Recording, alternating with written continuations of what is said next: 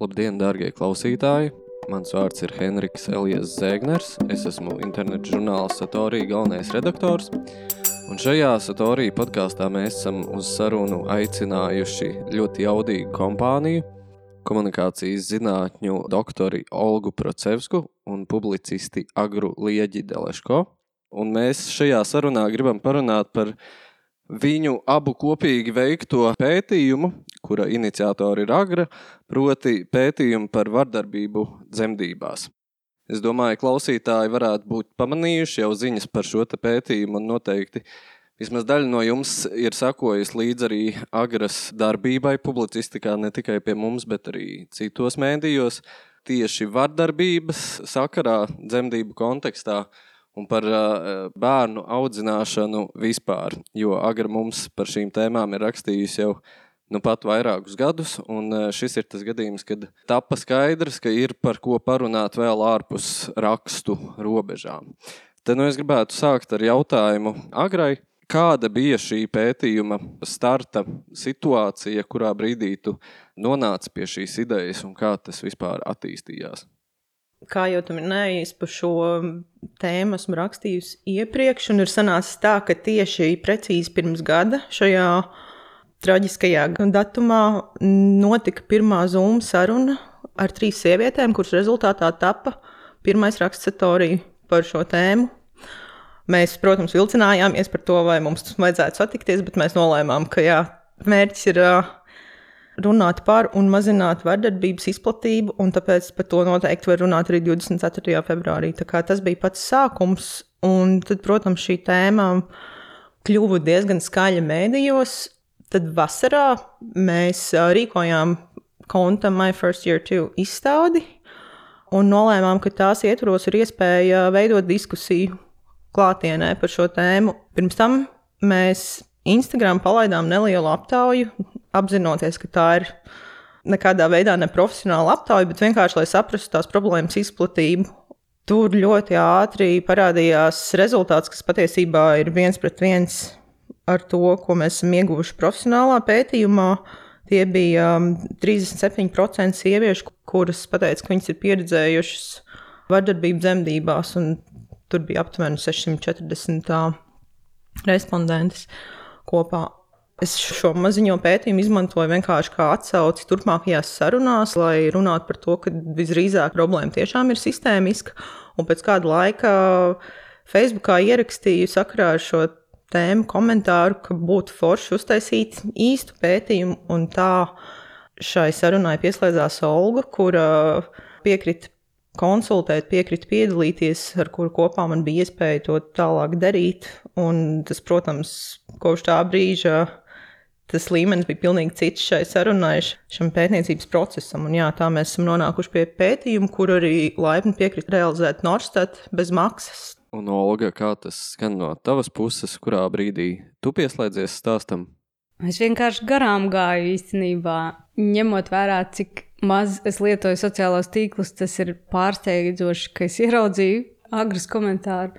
Bet man šī motivācija palīdzēt un piedalīties nenāk no kaut kādas personīgas pieredzes. Es esmu tajā 61%, kas saka, ka viņiem viss bija ok. Un man tā vienkārši šķiet sabiedriski svarīga tēma. Un man profesionāli, man ir socioloģiska interese par jautājumiem, kas atrodas lūzuma punktā, kur mainās mūsu izpratne par normām, Un vardarbības jautājumā mūsu izpratne šobrīd, kā sabiedrībai kopumā, īstenībā reāli mainās, un to var redzēt gandrīz vai neapbruņot aci. Mums mainās izpratne par to, cik pieļaujama ir vardarbība pāru attiecībās, vai ir pieļaujama, nu, un atbilde jau šobrīd ir nē, attiecībā uz bērniem. Un tad kaut kādā ziņā tas dzemdības ir nākamais konflikta punkts. Un tas arī, manuprāt, izskaidro, kāpēc šī tēma izraisa tik asas diskusijas mēdījos. Ir pirmkārt, tāpēc, ka viņi atrodas tajā vērtību maiņas punktā, transformācijas procesā, un šādas tēmas vienmēr ir dzīves, un tur ir daudz kaislību. Un uh, otrs iemesls ir um, šī tēma liek uzreiz aizdedzina visas tās personīgās pieredzes gan sievietēm, kas ir dzemdējušas un piedzīvojušas vardarbību, un jebkurš var droši pajautāt savai mammai, kādas bija viņas dzemdības, un viņa atcerēsies detaļās, līdz sīkākajām, mazākajām detaļām. Un tā skaitā viņa noteikti varēs pateikt, ja ir bijusi kaut kāda vardarbība pret viņu vērsta. Šai tēmai ir ļoti liels nu, eh, personīgu emociju lādiņš. Un no otras puses ir medicīnas profesionāļi, mediķi, kas to uztver kā personīgu pārmetumu, par ko man ir ļoti žēl, jo tas ir tas, ko es noteikti negribētu, lai cilvēki, kas dara savu darbu pēc labākās sirdsapziņas, uzskata, ka tas ir pārmetums viņiem. Tas noteikti tā nav. Un mums kopumā nevienam no cilvēkiem, kas ir bijuši iesaistīti tajā pētījumā, nav šādas motivācijas. Mēs noteikti negribam nekādas raganu medības. Mēs negribam aizvainot mediķus, mēs gribam runāt par struktūrālām lietām. Un jāatzīst, ka attiecību kultūra ir daļa no struktūras. Daļa no struktūras ir gan mediķu algas, gan mediķu slodzes, kas viss var vai nu mazināt vardarbību, veicināt nevardarbīgas attiecības, vai arī veicināt vardarbīgas attiecības. Un arī savstarpējo attiecību kultūra, kā ir ok runāt vienam ar otru, tā arī ir struktūra un tas ir gaiss, ko mēs elpojam un nejūtam paši, kamēr mēs neizkāpjam no tā ārā. Un šādi pētījumi ir veids, kā izkāpt ārā no atrašanās iekšā realitātē un paskatīties uz viņu no malas. Un tas var nebūt patīkami. Šajā gadījumā ziņa tiešām, diemžēl, ir nepatīkama. Tā ir par to, ka vardarbība, emocionāla, fiziska vardarbība ir izplatīta vai ļoti izplatīta, atkarībā no vērtībiem. Nu, skaidrs, ka viņi ir izplatīti, ka tie nav atsevišķi gadījumi, un ka tas atstāja negatīvu ietekmi uz ģimeņu dzīvi ilgtermiņā. Sievietes, kas ir piedzīvojušas vardarbību dzemdībās, atzīmē, ka tas mazina viņu vēlmi radīt nākamos bērnus. Kas ir slikta ziņa gan politiski, jo demogrāfija ir svarīga, gan arī tīri personīgā līmenī ja tas laupa sievietei vēlmi radīt bērnus, ko viņa teorētiski būtu gribējusi, tas ir ļoti skumji. Tā nedrīkst būt. Nu, lūk. un tad aiz pārliecības, ka tā nedrīkst būt, ka tā ir viena no lietām, kurai ir jāmainās līdz ar mūsu kopējo izpratni par vardarbības nepieļaujamību, ar to motivācijas arī iesaistījos un palīdzēju noformulēt jautājumus. Es varētu palūgt pastāstīt arī par pētījuma norisi sīkāk, par respondentu loku un to, kā pētījums vispār tika veikts. Sākotnējais respondentu lokus ir liels, tās vairāk nekā 2,5 tūkstoši sieviešu, vecumā no 18 līdz 60 gadi, lielākā daļa 30 gadnieces, kas atbilst tam, kādas vispār ir sievietes Latvijā. Un, uh, pirmais jautājums viņām bija, vai viņas ir dzemdējušas vismaz vienu bērnu Latvijas stacionārā. Respektīvi, mēs neaptaujājām sievietes, kas vai nu nav dzemdējušas bērnus, vai nav dzemdējušas viņas Latvijā, vai arī ir dzemdējušas viņas privātās iestādēs vai mājās, jo mums interesē tikai stacionāri, jeb slimnīcas, vai dzemdību nodeļas, vai dzemdību nams. Un, um, no šīm, šiem 2,5 tūkstošiem dzemdējušās bija 1440 un no tām 36 ar astīti procenti atzīmēja, ka viņas ir piedzīvojušas negatīvu attieksmi vai rīcību no medicīnas personāla puses. Un nākamajā jautājumā mēs jautājām jau par konkrētām lietām. Kliekšana, palīdzības saucienu ignorēšana, nievājoši komentāri, nesaskaņotas, nopietnas darbības, fiziska iejaukšanās, arī fiziska vardarbība, turēšana, spiešana uz vēdera un tam līdzīgi. Un, uh, liela absolūtais vairākums sieviešu, kas atbildēja, ka ir piedzīvojuši negatīvu attieksmi no medicīnas personāla puses, ir atzīmējušas, ko tieši.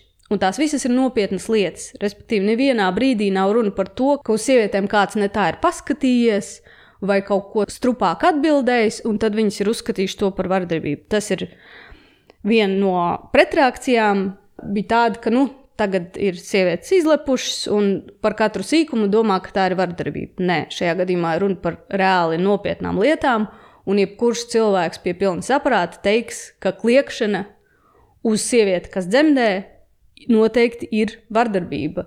Medicīnas pakalpojumu kontekstā. Šajā gadījumā mēs runājam par ļoti konkrētām, smagām lietām, vai viņas saukt par vardarbību, vai viņas saukt kaut kādā citā vārdā. Man tas nav tik principiāli. Vardarbība ir vienkārši piemērotākais, adekvātākais, tuvākais jēdziens, kā to visu apvienot, kas ietver gan emocionālo, verbālo un arī fizisko. Un, diemžēl mums ir slikta statistika visos šajos aspektos par to vardarbības atpazīšanu, agrais varbūt varētu pajautāt tev, ņemot arī vērā visu citu, ko tu esi darījis šīs tēmas ietvaros un cilvēkus, ar kuriem tu esi runājis un intervējusi, kā ir ar to vardarbības atpazīšanas spēju un vai pastāv vienprātība šajā jautājumā starp sievietēm, starp medicīnas personālu un starp arī politiķiem, piemēram? Tīri formāli mēs, protams, reiķinājāmies jau, jau veidojot šo anketu ar to, ka iespējams šī atpazīstamība nav optimālā līmenī, tāpēc, protams, ir ļoti precīzi jājautā par konkrētām darbībām, kas ir notikušas vai attieksmēm. Bet, nu jā, runājot par tādu kopējo kontekstu, ko es esmu novērojusi, kas patiesībā, jā, Pagājušā gada beigās es arī veidoju diskusiju par vienu tēmu, kas ir saistīta ar seksuālu vardarbību un seksuālu uzmākšanos par mītu. Es sapratu, ka patiesībā ārkārtīgi daudzas reakcijas, daudz elementu šajās visās sarunās, kas ir saistīti ar vardarbību, gan vardarbību ģimenē, intīmā partneru vardarbību, seksuālu uzmākšanos un vardarbīgu attieksmi medicīnas iestādēs, tur ir ārkārtīgi daudz līdzību, tur ir ārkārtīgi daudz nesaprašanos starp cilvēkiem, un arī, protams, šis pazīšanas elements, kurš noteikti lielā mērā izpaužās vismaz tajās pretreakcijās, kam mēs varam sekot līdzi, un varbūt kas pret mums ir tieši vērsts arī šobrīd, kā jau Olga pieminēja, ir šis visnotaļ, kas vismaz izskatās pēc apzināta centiena neatpazīt no to cilvēku puses, kuri reaģē uz šiem rezultātiem, kas ir daļa no mediķiem, cenšas to varbūt aicināt mūs apsvērt šo iespēju, ka tas ir pārpratums, vai ka sieviete šajā situācijā, kad viņa dzemdē, to adekvāti nevar izvērtēt. Bet varbūt pat biedējošāk ir tā reakcija, kas ir no vienkārši citām sievietēm, kuras raksta un kaunina šīs.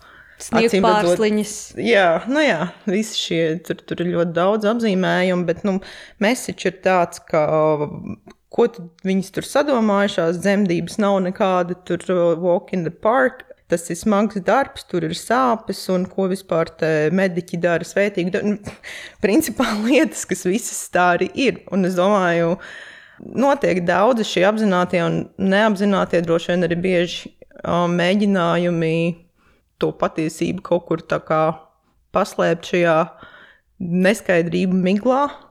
Un jā, tādas lielas dusmas uz sievietēm, kuras grib par šīm tēmām runāt. Pat varbūt ne vienkārši runāt, bet kāds viņām uzdod konkrēti jautājumu, viņas piekrīt atbildēt, kā tas ir anketas aptaujas gadījumā.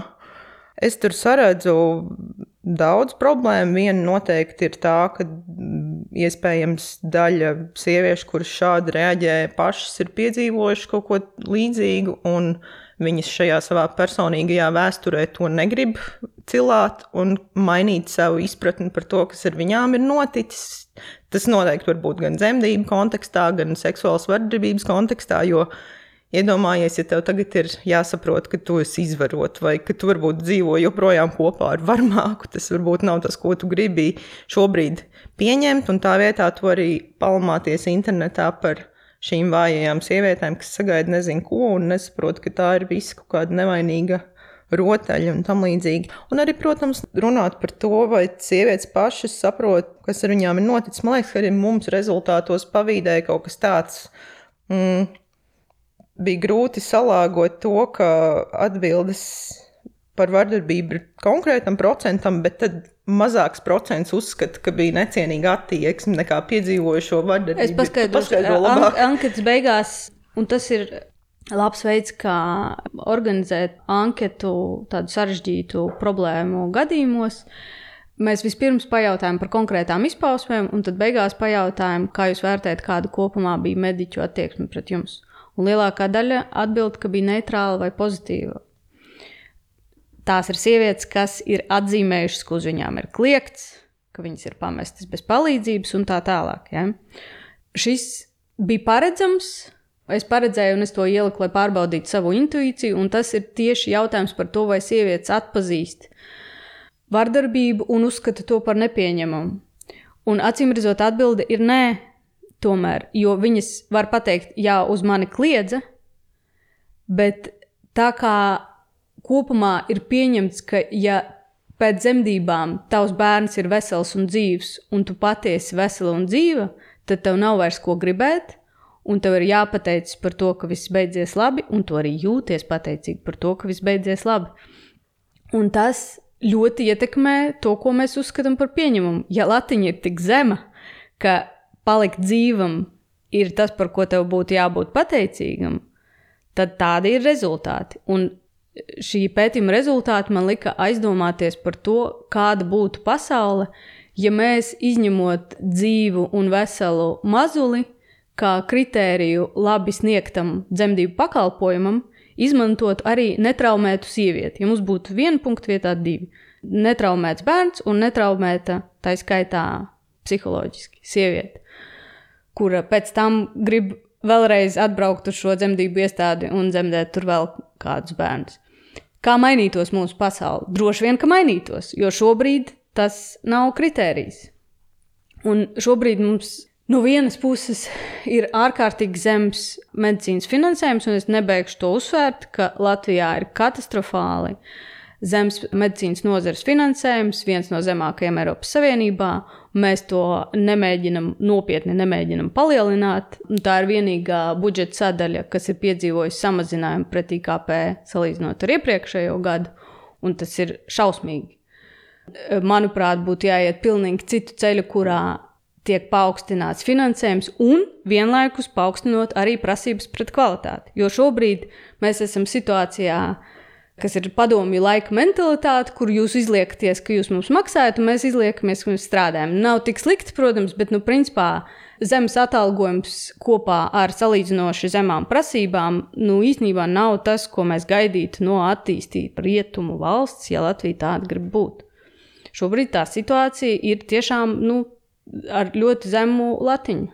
Bet vai šī pētījuma kontekstā jums ir bijusi kāda komunikācija ar par nozari atbildīgiem politiķiem? Piemēram, ir kāda reakcija saņemta? Man imants parādnieks atsūtīja ēpastu nākamajā dienā pēc pētījuma rezultātu publiskošanas.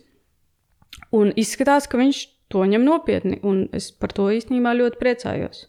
Jo patiešām, ja runas par demogrāfiju ir nopietnas, ja mums ir svarīgi, cik Latvijā dzimst bērnu, tad nevar runāt tikai par pabalstiem. Pabalsti ir svarīgi, tāpat ir svarīgi elastīgi nodarbinātības nosacījumi, tāpat ir svarīga tāda pabalstu un nodarbinātības sistēma, kas ļauj un liek ģimenes dzīvē vairāk iesaistīties vīriešiem.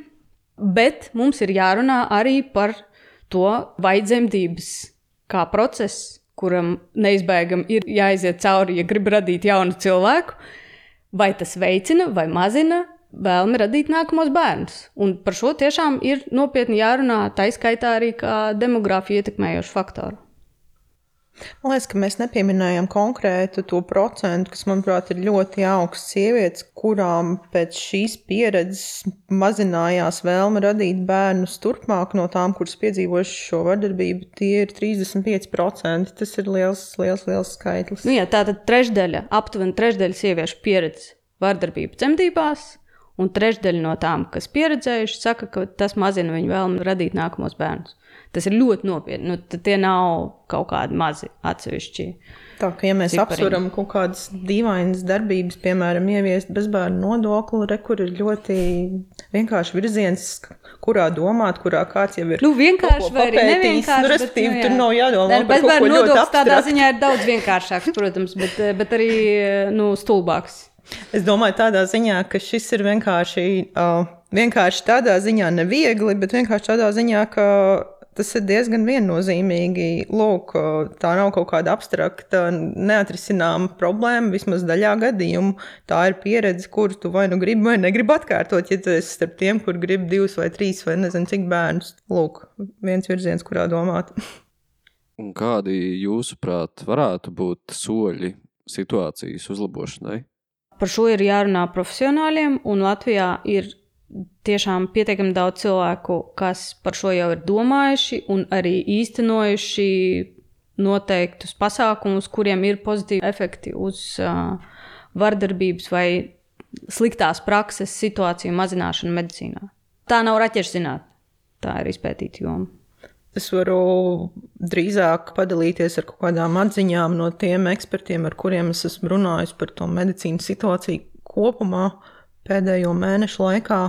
Un arī, protams, atsaukties uz diskusiju, kas bija saistīta ar veselības inspekcijas darbību, piemēram, kur arī šobrīd ir ļoti nesakārtot tādā ziņā, ka sūdzību izskatīšanas process ir ļoti maz efektīvs.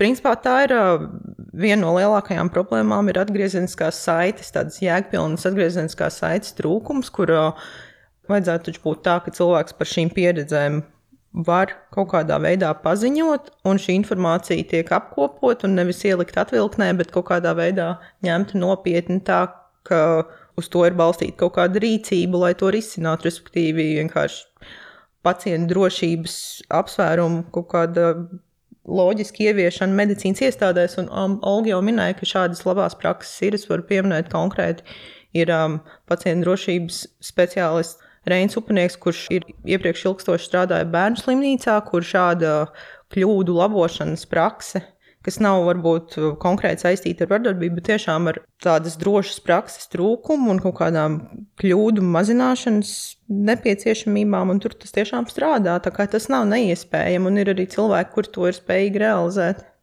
Es piebildīšu, ka vajadzētu būt tā, ka pašas iestādes aktīvi interesējas un mēģina ievākt datus, mēģina ievākt atgriezenisko saiti no sievietēm. Un šeit arī ir zināms, kādā veidā to labāk darīt, lai šis ir maksimāli objektīvi, ka sievietei nevajag jautāt uzreiz pēc dzemdībām, nu kā bija, jo tad viņa tiešām ir laimīga, ka viss ir dzīvi. Ka viņai jāļauj bišķiņi izelpot, un pēc diviem mēnešiem jāpajautā, nu kā bija. Un tas ir jāpadara maksimāli ērti viņai, lai nevis viņai kaut kas būtu jāiet kaut kur, jāmeklē, jāraksta iesniegums, tad kaut kur jāsūta, parakstīts eh, un jāpārvar kaut kādas barjeras. Bet tā iestādē ir jānāk pie klienta, pie pacienta un jāprasa, lūdzu, pastāstiet mums, kā bija, jo mēs gribam uzlabot savu darbu. Un tā patiešām tas ir darbs pie kļūdām, kas ir normāla vispār jebkura darba sastāvdaļa, kas nav jāuztver ar pārlieku dramatismu, ka mums tagad ir kaut kāda milzīga problēma un kaut kāds pārmetums, un mēs to vispār nevaram labot.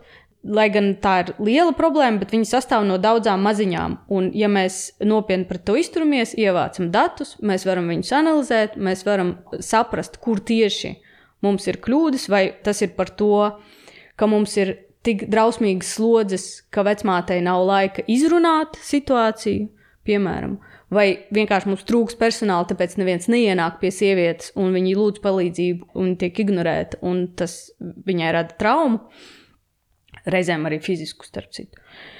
Vai tas ir kaut kas cits, vai tas ir uh, par to, ka nezinu, personāls vienkārši neapzinās, kā ietekmē viņu darbības pacients, jo viņi nekad nav bijuši tajā pusē, un viņiem grūti iedomāties, vai arī sen ir bijuši tajā pusē. Uh, Un, eh, nu jā, tās ir vienmēr kaut kādas daudzas sīkas lietiņas, strādājot pie kurām var panākt uzlabojumus. Un tad, ja būtu nopietna interese par to, tad datu vākšana būtu liela daļa no šī procesa, kurā mēs regulāri ievācam atgriezenisko saiti. Pamainām vienu lietu, skatāmies, o, uzlabojas vai neuzlabojas. Pamainām vēl vienu lietu, skatāmies izmaiņas un tā tālāk. Un tam vajadzētu būt arī tā skaitā valsts interesē, jo mums ir valsts interese par to, lai šeit dzimst bērni. Man klausoties divas domas. Viena par to attieksmi pret kļūdām, tā noteikti ir ļoti liela daļa no šīs problēmas. To arī sarunā ar bioetikas speciālistu Signu Mežīnsku mēs līdz tam nonācām. Jā, tam tiešām vajadzētu būt pilnīgi normālam procesam, kurā nenotiek kāda vainošana un nav sankciju vai mediķim vienpersoniski nav jānes kaut kāda neatbilstoša atbildība par notikušo, bet tiešām uztver to kā veidu, kā uzlabot šo praksi. Un tas ir tas, kas arī ļoti lielā mērā trūkst, jo ir tomēr šī attieksme, slēpsim tās kļūdas. Viņa pat arī, man šķiet, tas bija piemērs, ko minēja Sīgna, kuras pasniedzis medicīnas students, kuri jau praktizē. Un uh, viņa bija pajautājusi, vai jūs teiktu, ja jūs būtu kļūdījušies un pacients nebūtu pamanījis. Viņi atklāti saka, nē, nē mēs ne, nu, vai jūs neteiktu pacient, pacientam par to, jo ir šī veiksmīga kļūdas noslēpšana, ir kā uzvara. Ja? Un arī šis ir izraisījis ļoti bīstamas situācijas. Arī es iepriekš esmu aprakstījis konkrētus gadījumus, kur sieviete ir gandrīz vai nopietnas invaliditātes draudu dēļ ļoti līdzīgas situācijas, kur pēc dzemdībām slikts sašūšanas darbs nav atklāts, viņai par to nav pateikts. Viņai tas ir kaut kādā veidā jāsaprot pašai vēlāk, un tad jātaisa operācijas un tam līdzīgi. Un otra lieta, kas man ienāca prātā par to piekrišanu, par to, kas saka, ka nav šis laiks bieži, lai kaut ko skaidri pastāstītu par notiekošo manipulāciju vai paprasītu piekrišanu. Pirmkārt, tas tā nav. Tas ir ārkārtīgi retos gadījumos, ka nav tās, tās pat reizēm ir pāris sekundes, pusminūte, kuras laikā tu vari pietiekami apstāstīt cilvēkam par to, kas notiks un kam vajadzētu notikt. Vispār lielākā daļa dzemdību ir šausmīgi ilgas. Tie bērni, ne, Nu, nu ja jā, viņi ir dzimtu tie ātrāk, būtu fini, bet viņi dzimst drausmīgi ilgi. Tad, kad mēs Tur visu var runājam- paspēt izrunāt. Tad, kad mēs runājam par to, nav laika, tad pēkšņi ir tā, ka visas dzemdības ir tā kā filmās, kad ūdeņi tur Nu, ja viss tur, un jā. jādzemdē uz ielas, nu, tā nav. Un tā ir praktiski nekad nav. Mēs atkal izvelkam kaut kādus absolūtus izņēmumus un balstām uz to savu attieksmi. Bet, jā, runājot par to piekrišanu, tas arī ir kaut kas, ko man Signa teica. Viņa ir jautājusi saviem studentiem, kuri jau praktizē, kas ir šī informētā piekrišana. Nu, testē viņus, jautājot šo jautājumu. Viņi saka, tas ir tas papīrs, ko tu paraksti, kad tu iestājies stacionārā vai nu, kur tu esi aizgājis. Un tā nav. Tas nav papīrs, ko tu paraksti. Tas ir ilgstošs process, kas ir jāturpina visu laiku, kamēr notiek kaut kādas manipulācijas. Un uh, izrādās, ka jā, viņiem kaut ko iemāca universitātē, bet viņi aiziet, un tur tā neviens nedara. Un uh, arī Cigna pati teica, tā ir tā vieta, kur cilvēks tiešām mācās. Es viņam varu teikt visu dienu par to, ka, vajag, ā, ka tā informētā piekrišana ir kaut kas cits, bet viņš darīs tā, kā to dara jau uz vietas, un ar to nepietiek. Un, protams, ka daļā gadījumā informēta piekrišana varbūt nav kaut kas radikāls. Varbūt tev kāds paņem roku, lai izmērītu pulsu. Viņš tev nepajautā. Bet vispār var arī nekas tāds, pajautāt. Bet, vajag, bet, bet šajā gadījumā, kontekstā ar vardarbību dzemdībās, tas tiešām rezultējās ļoti invazīvās darbībās, kas atstāja ļoti smagas sekas. Tas ir tāds spektrs, kuru to trako galvu mēs varam redzēt šajā pētījumā. Nu jā, un es gribēju piebilst, ka skatoties, ko rietumvalstīs pēta par šo tēmu, tad tur runā par sievietes pietiekamu vai nepietiekamu autonomiju dzemdībās, vai viņai tiek dots pietiekami daudz varas pašai izvēlēties scenārijus. Un mēs par to vispār nepušplēst vārdu šeit. Mēs esam gaismas gadus no šī. Mēs sākumā tiksim galā ar kliekšanu, un tikai pēc tam sāksim runāt par avansētām lietām, kā piemēram, ka sieviete var būt pati aktīvs subjekts, kurai ir kaut kāda saprāšana par to, kā viņa gribētu dzemdēt. Nevis viņa ir objekts, kuru vajag piedzemdināt un dabūt no viņas veselu bērnu.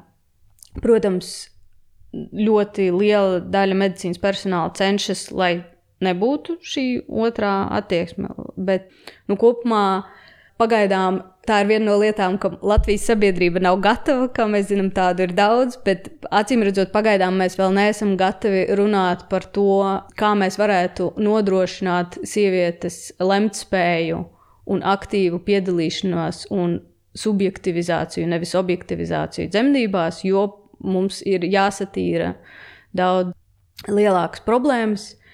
Bet vēl pie iepriekšējās gribēju piemetināt, ka tiešām apgaismota attieksme pret kļūdām būtu tas, kas ļoti noderētu šai procesā. Tas ir apmēram tā kā ģimenes strīdā. Ja tas neapgaismotais variants ir, kad man kaut ko pārmet, tad es sāku vai nu noliegt, vai nu teikt, ah, nu jā, nu tad es vispār esmu slikta, tad es vispār nekam neesmu derīga un pilnīgi aizēju tajā destruktīvajā modā. Konstruktīvais mods ir pateikt, ok, es sadzirdēju tevi, es padomāšu par to, es nopietni uztveru to, ko tu saki, tavai subjektīvajai pieredzei ir nozīme, es nemēģinu gāzlaitot to un noliegt, es to ņemu nopietni. Un es padomāšu, vai kaut kas manās darbībās tiešām varēja radīt uh, tādu iespaidu, un es padomāšu, ko es ar to varu darīt. Ar šādu attieksmi var reāli gāzt kalnus. Un, savukārt, bez šādas attieksmes, jebkura diskusija pārvēršas kaut kādā emocionālā cīkstiņā par varu un kaut kādiem pilnīgi stulbiem argumentiem un kaut kādu piesiešanos un salmu vīriem un visiem pārējām kļūdām. Tas jau arī caurstrāvo visas tās tēmas, kas ir saistītas ar vardarbību mūsu sabiedrībā, kā jau tu iepriekš jautāji. Jo, jo principā saņemot šādu ziņu, ka lūk, šādi jūtās sievietes, kuras ir piedzemdējušas, pirms tu vispār padomā par to, ko nozīmē šādi skaitļi un šādas sajūtas, par ko tagad runā, uzreiz ir cilvēki, kuri nu, tiešām lec uz to attaisnošanās tādu pieeju.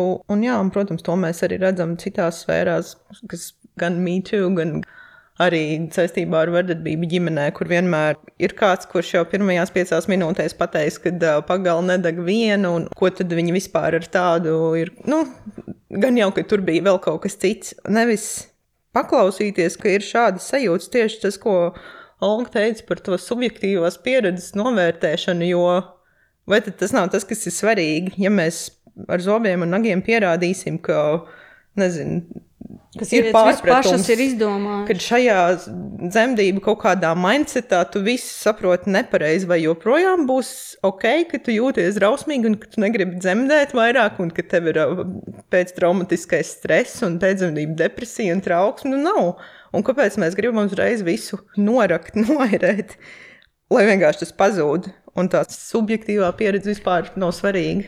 Un tas ierakstās plašākā paternā, kur tieši sieviešu subjektivitāte nereti tiek noliegta. Un tagad par to sāk runāt, bet tam ir gara, gara, gara vēsture un gara normalizācijas vēsture, kurā sieviešu sāpes, piemēram, arī fiziskas, tiek uzskatīts par sadomājusies un nepietiekami nopietnām, un tā jau vienkārši daļa no sievietes sūtības. Un, um, sievietes netiek ņemtas nopietni nedz tad, kad viņas saka, man sāp, nedz tad, kad viņas saka, mani sit, vai mani mēģina piespiest uz kaut ko, ko es nevēlos, vai mani mēģina izmantot. Pirmā reakcija bieži vien ir neusticēšanās, un, diemžēl, tā skaitā arī pašām sievietēm, kas arī man, kā cilvēkam ar sociālo zinātņu izglītību, nav pārsteidzošs, tāpēc ka tas ir viens no sociālās kontrolas mehānismiem, kā sabiedrības decentralizēta īsteno kontroli, kā mēs skatāmies, lai cilvēki nekrīt ārā no rindām. Ja, nu, kā, ja es esmu cietusi, es, protams, apzināti nekad nevēlošu sliktu citiem, bet principā es sagaidu, ka pret citām arī būs apmēram tāda pati attieksme kā pret mani ja es esmu pieredzējis kaut kādu negatīvu pieredzi un izgājis tam cauri klusējoša un stipra, tad cita, kas par to runā, šķiet man vāja un cimperlīga. Un man skumdina redzēt tieši sieviešu reakcijas, um, noliedzošās un norakstošās, bet, nu, diemžēl, jā, tas ir arī veids, kā sociālā kontrola funkcionē. Un droši vien tas ir viens no iemesliem, kāpēc mēs redzam šo rezultātu, ka par bērnu veselību ir daudz lielākas rūpes, vai tiek nodota daudz vairāk informācija par to, kādā situācijā ir jaundzimušais. Un tajā brīdī, man liekas, tas tik ļoti izgaismojās, ka sieviete tur ir tas gaļas gabals, no kura ir tas dzīvais bērns, veselais jādabū ārā. Nu, labi, tad lai viņa arī ir dzīve, bet nu, tā kā Un ar to arī pietiek. Tas ir tāds iztiks minimums, ar ko mēs joprojām strādājam. Un es domāju, tas ir ļoti lielā mērā saistīts ar šo kopējo attieksmi pret sievietes autonomiju un sāpēm, kas ir sākot no mēneša sāpju ignorēšanas endometriozi. Ja? To pat uh, vispār kaut kas pilnīgi jauns, ko nu, šīs lietas vienkārši nepēta. Tādas primitīvas lietas, kamēr mēs lidojam tur uz Marsu, mēs nepētam šādas lietas, kas ar sievietēm notiek, nezinu, cik tur kopš laika gala. Es teiktu, ka mēs esam datos arī pierādījuši to vismaz šajā salīdzinājumā par to, cik liela uzmanība tiek pievērsta bērnam tajā brīdī. Un tas tiešām tāds kaut kas, ko tu cerēju, ka tu skaties vecos seriālos par doktoru Kvinu, kur uh, galvenais, lai bērns izdzīvo, lai tā māte mirst. Tā nē, varbūt labāk, lai nemirst, jo tur vēl astoņi bērni, kurš viņiem rūpēsies. Bet tas, principā, ir ļoti līdzīgi, man liekas. Bet es padomāju, ok, pat ja mēs pieņemam, ka mums ir svarīgs tikai bērns, tad mums tomēr māte aprūpējošā persona ir jāsaglabā puslīdz adekvātā Mentālā stāvoklī. stāvoklī Un mēs arī. zinām, ka dzemdībās piedzīvot vardarbība samazina sievietes iespēju veidot noturīgu saikni ar bērnu, palielina pēcdzemdību depresijas riskus. Pēcdzemdību depresija ir risks arī bērnu veselībai, jo reizēm sievietes nodara kaut ko sliktu bērniem, arī atrodoties šausmīgā mentālā stāvoklī, kurā viņi, viņas nonāk daudzu iemeslu dēļ, bet viens no šiem iemesliem ir dzemdību trauma. Un nu, nevajag to pieļaut arī tad, ja mūs interesē tikai tie bērni. Klausoties tajā, ko jūs stāstat, es domāju par to, ka tā problēma ir ļoti daudzos līmeņos iestiepusies un par to iespējamo kaut kādu paradigmas mājiņu un to kultūras lūzienu punktu un par to, kā to varētu veicināt. Vairākus punktus savalkot kopā, Olga, tu, piemēram, pieminēja arī pētījumus, kas tiek veikti ārzemēs. Es pirmkārt apbrīnoju, bet no otras puses tas ir arī mazliet bailīgi, ka šis pētījums ir jūsu principā individuāla iniciatīva, vai ne? Bez jebkāda pasūtījuma, piemēram. Nu, tas ir pārsteidzoši, ka šis nav valsts interešu sarakstā ar visu to joni, par kādu mēs runājam, par demogrāfiju. Šim tur vajadzētu būt. Un nevajadzētu būt tā, ka vienkārši daži cilvēki samet galvas kopā un uztaisa pētījumu, par kuru ir uh, visi izbrīnīti, sašutuši vai tam līdzīgi. Vajadzētu būt tā, ka šī ir daļa no rutīnas. Valsts ievāc miljoniem datu punktu. Šiem vajadzētu būt dažiem no tiem. Tas arī viss. Bet vai jūs vispār sastopaties un redzat, nu teikt, kādus domu biedrus vai vēl kādus, piemēram, institucionālus sabiedrotos, kas šo tēmu palīdz virzīt un kustināt, vai tā šobrīd ir tāda pašā sākuma stadijā esoša situācija? Es teiktu, ka tā ir, protams, sākuma stadija. Tas ir tāds, man liekas, svarīgs pirmais solis, bez kura absolūti nevar iztikt, jo šis ir tas brīdis, kurā mēs redzam, ka problēma ir sistēmiska, nevis tie ir kaut kādi daži stāsti, vai arī manā paziņu lokā tā nevienam nav bijis, vai man tā nav bijis, kas arī ir ļoti bieža reakcija. Mēs redzam, ka problēma ir, un um, es domāju, ka tas ir tiešām tāds pats pats sākums. Runājot par domu biedriem un kaut kādiem cerībām uz sistemātisku risinājumu, es Protams, ka diezgan daudz esmu runājis ar dažādu nozaru pārstāvjiem par šo tēmu pēdējā gada laikā. Tostarp arī, piemēram, vecmāšu asociācijas vadītāju Lindu Veidemani, kur ir ļoti interesēta risinājumu meklēšanā. Un interesantā kārtā ar viņu es runāju tieši par to, ka nav īsti tāda kvalitatīva šī atgriezeniskās saites mehānisma, un viņa teica, ka ka viņiem uz asociāciju reizēm arī raksta sievietes, runājot par tieši šo vardarbības pieredzi. Bet cik un, aktīvām um, viņām ir jābūt, lai viņas izdomātu, ka viņas Jā, tā, tas ir pilnībā tāds pagrīdes risinājums situācijā, kad normāli risinājumu nav. Jo es pat teiktu, ka es šobrīd, ja es runāju ar plašāku publiku, es teiktu, drīzāk rakstiet uz asociāciju nekā uz veselības inspekciju. Lai gan, protams, ne, ņemot vērā, bet vajadzētu šis, būt, bet vajadzētu. normāli nav neviens no otras. Vajadzētu būt tā, ka tad, kad tu esi dzemdību iestādē, tad tu tur atstāji savus kontaktus. Un divus, trīs mēnešus pēc dzemdībām tev uz e-pasta pienāk saita uz anketu, kuras aizpildīšana aizņem 5 līdz 10 minūtes. Un tas arī viss. Un, ja tas pienāk katrai sievietei, kas dzemdē, tad pēc gada mums ir izcils ļoti kvalitatīvu datu kopums, un pēc pieciem gadiem mums ir dinamika. Par datiem pilnīgi noteikti. Es, es saredzu, ka ir divi nu, lieli šķēršļi, divas varbūt tādas pamat problēmas, kas apvienojās šajā rezultātā. Viena ir vienkārši slimnīcas iekšējā kultūra lielā mērā ir saistīta arī ar sabiedrības kultūru. Vienkārši. Un varbūt viņi arī līdzīgi izpaužās citās medicīnas nozarēs, piemēram, pie zobārsta. Tev var būt zobārsts, kurš uzvedās līdzīgi, bet tu esi šajā situācijā, tu esi diezgan neaktīvs procesa dalībnieks, tev iedur un tu tur guli ar vaļai mutu, un tev nekas nav daudz jādara. Bet dzemdības ir tāds īpašs pasākums, kur šī miedarbība nepārtraukta.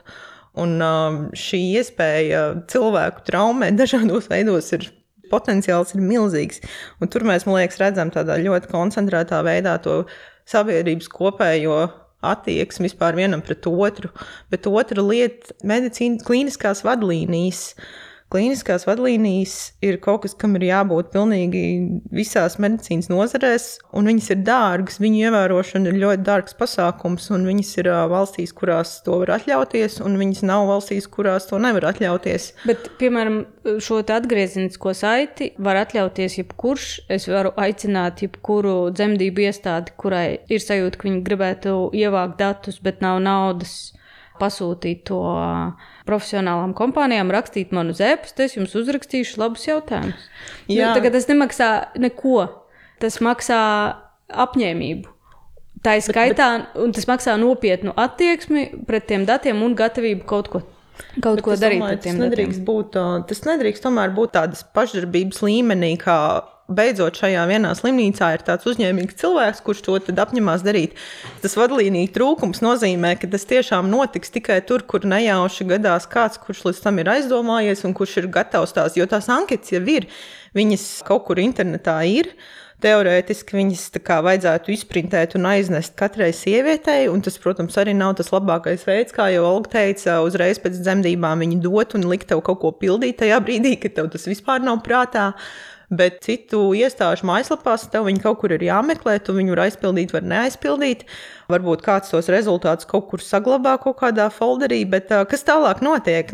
Tas pats no sevis, jo, nu, protams, tas ir pirmais solis, lai tā ir kvalitatīva anketa, lai viņi tiek cilvēkam iedot, lai viņi ir iedot īstajā laikā, lai ir kaut kāda motivācija viņu pildīt un lai ir uh, tas nākamais, kas notiek, kas tā kļūdu analizēšana, lai ir process bez šīm vadlīnijām, tas vienkārši nenotiks, ka izanalizē kļūdu, saprot, kas ir jādara ar to. Tāpēc ir tā, ka mums ir viena medicīnas iestāde, kurā acīm redzot, šis notiek efektīvi, kas ir bērnu slimnīca, un citur vienkārši tas nav. Bet tas ir tikai atkarīgs no nejaušām, laimīgām nejaušībām. Nu jā, nu, ja problēma ir sistēmiska, skaidrs, ka viņi arī, es domāju, ir jārisina sistēmiski un ar kaut kādu centralizētu impulsu, bet klausoties jūsos, es domāju, ka šī ir tāda varbūt situācija, kur mums ir sistēmiska problēma, bet valsts viņu risināt vai nu nespēja vai negrib.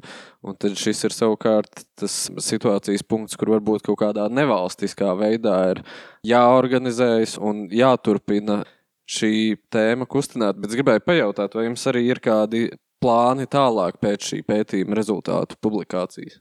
Es uzreiz es jau sataisīju grimas. Es neticu šiem NVO līmeņa risinājumiem, aktīvistu līmeņa risinājumiem.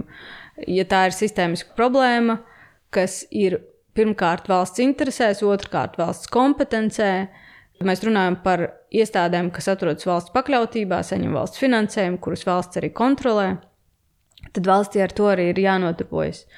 Un tā tiešām nav raģešu zinātne, ne kaut kas ekstra dārgs, vismaz tādā bāzes līmenī. Es domāju, ka vienīgais reāli efektīvais veids, un arī tāds, kas tiešām garantē kvalitātes latiņas celšanos visur, nevis dažās vietās, nevis tikai Rīgā, bet arī reģionos, kas garantē, ka sievietei neatkarīgi no viņas ienākuma līmeņa, Neatkarīgi no tā, vai viņa spēj atļauties maksas dzemdību palīdzību, vai viņa izmanto bezmaksas medicīnu, neatkarīgi no tā, kur viņa dzīvo, kāds ir viņas izglītības līmenis, un neatkarīgi arī no tā, vai viņa ir gājusi pirmsdzemdību kursos vai nē, ka viņa saņem bāzes līmeņa kvalitatīvu palīdzību, kas neietver emocionālu un fizisku vardarbību.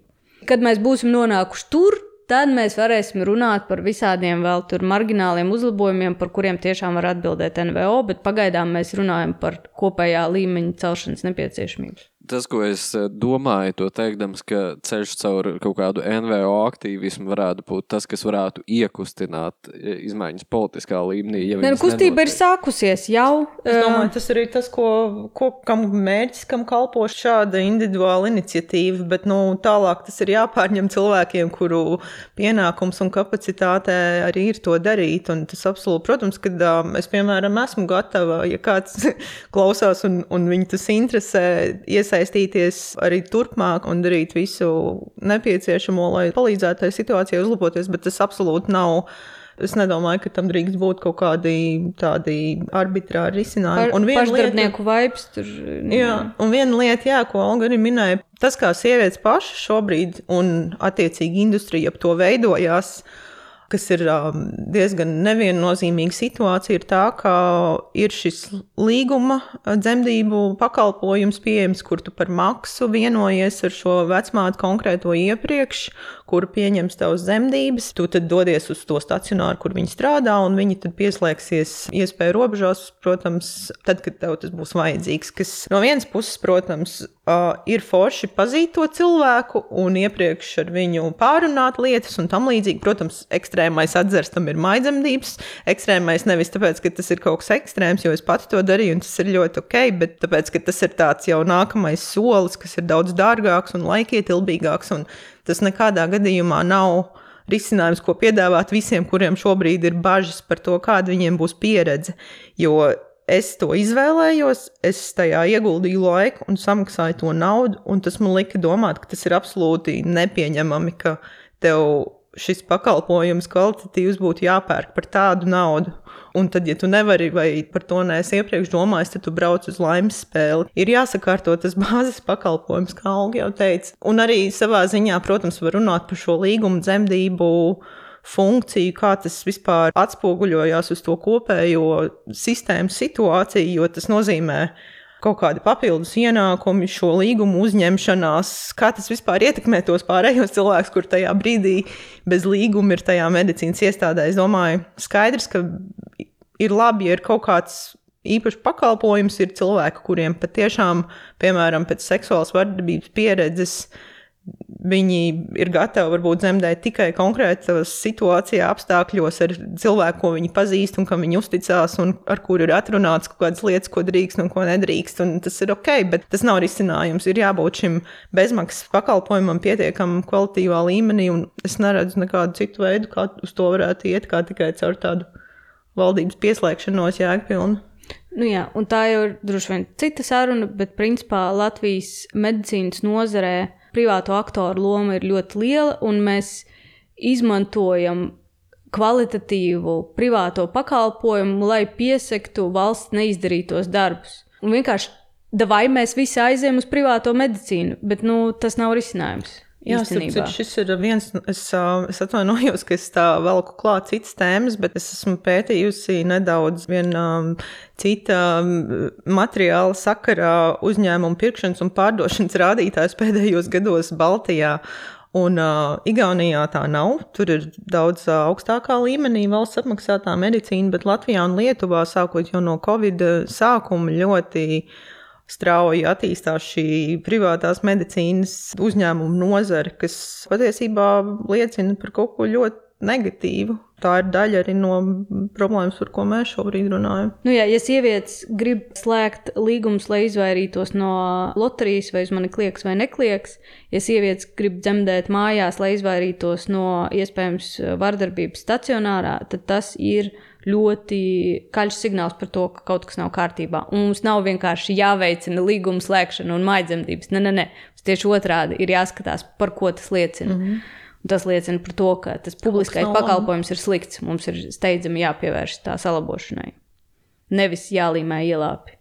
Vai no pētījuma datiem, vai varbūt no mm, aptaujāto sieviešu stāstiem, vai stāstiem, ko jūs zinat, Vai ir kāds konkrēts elements, kas jūs ir pārsteidzis visvairāk, vai stāsts, kas jūs ir pamudinājis tam pievērsties visam ar šādu mērķtiecību?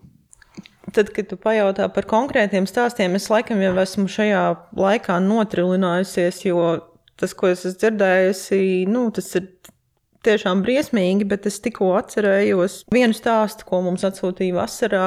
Tā bija sieviete, kur bija HIV pozitīva, un uh, viņa bija, man liekas, piedzīvojusi visdrausmīgāko attieksmi, par kādu es jebkad esmu dzirdējusi. Un viņas novērojums bija tāds, ka vienīgais, kurš pret viņu attiecās kaut cik normāli un pateica labdien, bija sanitārs, kurš nebija redzējis viņas medicīnisko kartīti, kurā ir rakstīta šī viņas diagnoze.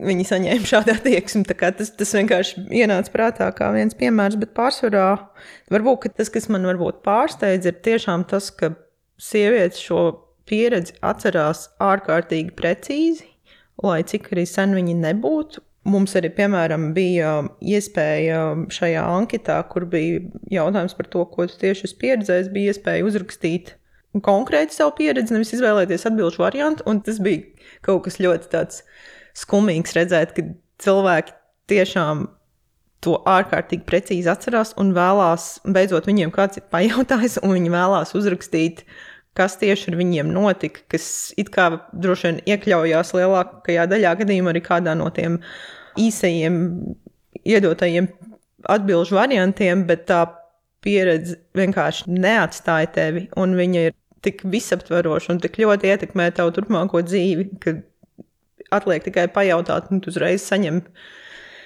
ļoti, ļoti plašu atbildi ar ļoti precīziem piemēriem. Un tas ir tas, kas, piemēram, man visvairāk kaitina šajos centienos atspēkot šo, kur bieži vien tas nāk no varbūt medicīnas darbinieku puses, kuri saka, ka nu, principā, tas ir pārpratums, ka sievietes vienkārši gaida kaut kādu, ir iegājies tagad teikt, spā attieksmi, kas ir, nezinu, diezgan smieklīgi, bet vai ucināšanos, vai romantisku gaisotni, vai ko. Un, ja viņas to nesaņem, tad viņas to traktē kā vardarbību. Nē, neviens tā nedara. neviens, neviens nesagaida to, un neviens šīs spā pieredzes trūkumu netraktē kā vardarbību. Cilvēki ļoti labi saprot kas viņiem noticis, un ļoti, ļoti labi to atcerās. Un arī reizēm šis, o, tā jau ir kaut kāda tāda stāvoklis, ir tāds, ka tu neesi īsti pieskaitāms, tu esi kaut kādā migliņā, tu neko neatceries. Nē, ļoti precīzi arī viss atcerās. Es vēl par ucināšanos varbūt pastāstīšu. Otrās dzemdības man bija Gaunijā, man nebija nekāda līguma. Es ienācu dzemdību nodaļā no ielas, un ar mani tur tiešām ucinājās. Man tur pienesa siltas kompresītes, augstas kompresītes. Un varbūt jūs gribat mūziķiņu uzlikt, un tad mēs jums jogurtiņu pieglabājām, lai gan vakariņas sen ir beigušās. Un nerunājot jau par to, ka epidurālā atsāpināšana bija bez maksas. Un tur man teica, malacis par katru sīkumu, kuru es izdarīju, varbūt arī ne tajā labākajā veidā, bet man tur bija tiešām sajūta, ka mani aprūpē, Un par mani nav viena alga šiem cilvēkiem, un tur arī mainījās maiņas, kurš tāpat kā Latvijā, bet pirmajam cilvēkiem nebija viena alga, otrajai maiņai nebija viena alga, un nebija viena alga ne tikai par bērnu, bet arī par mani. Un šī atbalstošā attieksme, tāpat kā dzemdībās piedzīvot vardarbība, var kļūt par šausmīgu rētu, kas ietekmē tavu dzīvi daudzus, daudzus gadus Tāpat arī laba attieksme var kļūt reāli, nu, var tiešām pacelt spārnos. Es atceros nākamo rītu pēc savām otrajām dzemdībām, kad es pamodos un domāju, wow, nu tagad es varu visu. Un tā ir attieksme, ar kurām vajadzētu beigties īstenībā katrām dzemdībām. Tā ir ļoti transformējoša pieredze, kas var būt ļoti iedvesmojoša un iespējoša sievietēm. Un tā tam arī vajadzētu būt. Un tādam vajadzētu būt tam bāzes pakalpojumam. Vajadzētu būt, ka sieviete jebkurā Latvijas pilsētā, ienākot dzemdību nodaļā no ielas, bez naudas maka vaļā, saņem tādu attieksmi, kas viņu iespējo un liek viņai sajusties tik spēcīgai, cik viņa īstenībā ir. Nu, skaidrs, ka latiņa ir ļoti zema šobrīd. Mērķis pirmais noteikti ir aizvākt visas šīs darbības, par kurām sievietes atbild uz jautājumiem mūsu anketā, bet, protams, tas ir nākamais solis, kuru daudzās valstīs tiešām medicīnas nozarē ir izdevies realizēt. Un, nu jā, un, un arī pa, pateikt sievietei, ka tu esi malacis. Nemaksā tas, tas, neko. Un, un tiešām lielākā daļā gadījumā, ja mēs runājam par kaut kādu naudu vai laiku, nu neprast tas nekādu naudu vai laiku. Vienkārši pateikt kaut kādu vienu labu vārdu vai pasmaidīt. Tas nav ne par to, ka tev ir jābūt jāskrien uz citu palātu, un arī, ka tev nepietiekami maksā. Tas nav nekas tāds. Bet jā, tas ir tas, kāpēc izvēlās maidzemdības vai slēgt līgumu, jo zinot to pieredzi, kad tev tikko piedzimis bērns un cik tev ārprātīgi viss pasaule tajā brīdī kaut kā mainās un cik ļoti tev kaut kāda pašapziņa ir jābūvē no jauna un ticība tam, ka tev kaut kas sanāks, tad jā, šis var ielikt ļoti vai nu vērtīgu pirmo akmeni tam, lai tev tas sākums nebūtu traģisks, vai arī gluži otrādi. Tiešām, tāpēc arī es gribu pateikt, mēs nerunājam par šobrīd par spā. mēs runājam par pilnīgi basic lietām, kuras nav Bet ideālā gadījumā, protams, tur būtu arī kaut kāda. Kādreiz parunāsim arī par spāņu. Cerams, ka pēc desmit gadiem mēs, mēs varbūt runāsim par, par to, vai sievietēm ir tiesības izvēlēties mūziku dzemdību laikā. Lai gan patiesībā jau šobrīd pacientu tiesību likumā ir ierakstīts, ka pacientam vienmēr ir tiesības saņemt iejūtīgu un cieņpilnu attieksmi teiktu, ka iejūtībā noteikti ir. Iejūtībai vajadzētu smaids, būt normai. Malacis un tam līdzīgi. Kaut kas, kas attiecās uz tevi, tas, protams, nav jāsaka zobārstam obligāti. Varbūt, ja tev ir vairāk par sešiem gadiem, reizēm ir, jo cilvēki no padomu laikiem baidās ļoti. Jā, tieši tā. Tāpat es, piemēram, Iejūtība, jā, iejūtībai vajadzētu būt normai gan. Uh, cilvēkiem, kas brauc tramvajā, tad, kad tu uzkāp kādam uz kājas, gan zobārstniecībā, gan dzemdībās. Jā, nu, uh, Iejūtībai vajadzētu būt normai, un rupībai vajadzētu būt nenormai. Viss. Es domāju, ka tā ir tā kultūras maiņa, ko tu Olga iepriekš piesauc. Es tiešām ceru, ka tu, teiksim, desmit gadu laikā šis lūzums varētu notikt. Nu, kultūra tāds triki, triki arguments vienmēr var nopūsties. Teikt, nu, tā jau kultūra, mēs tur neko nevaram darīt. Mēs varam tikai gaidīt, ka tā pati no sevis mainīsies, bet kultūra mainās kolektīvu, aktīvu, apzināti vai neapzināti, bet aktīvu darbību rezultātā.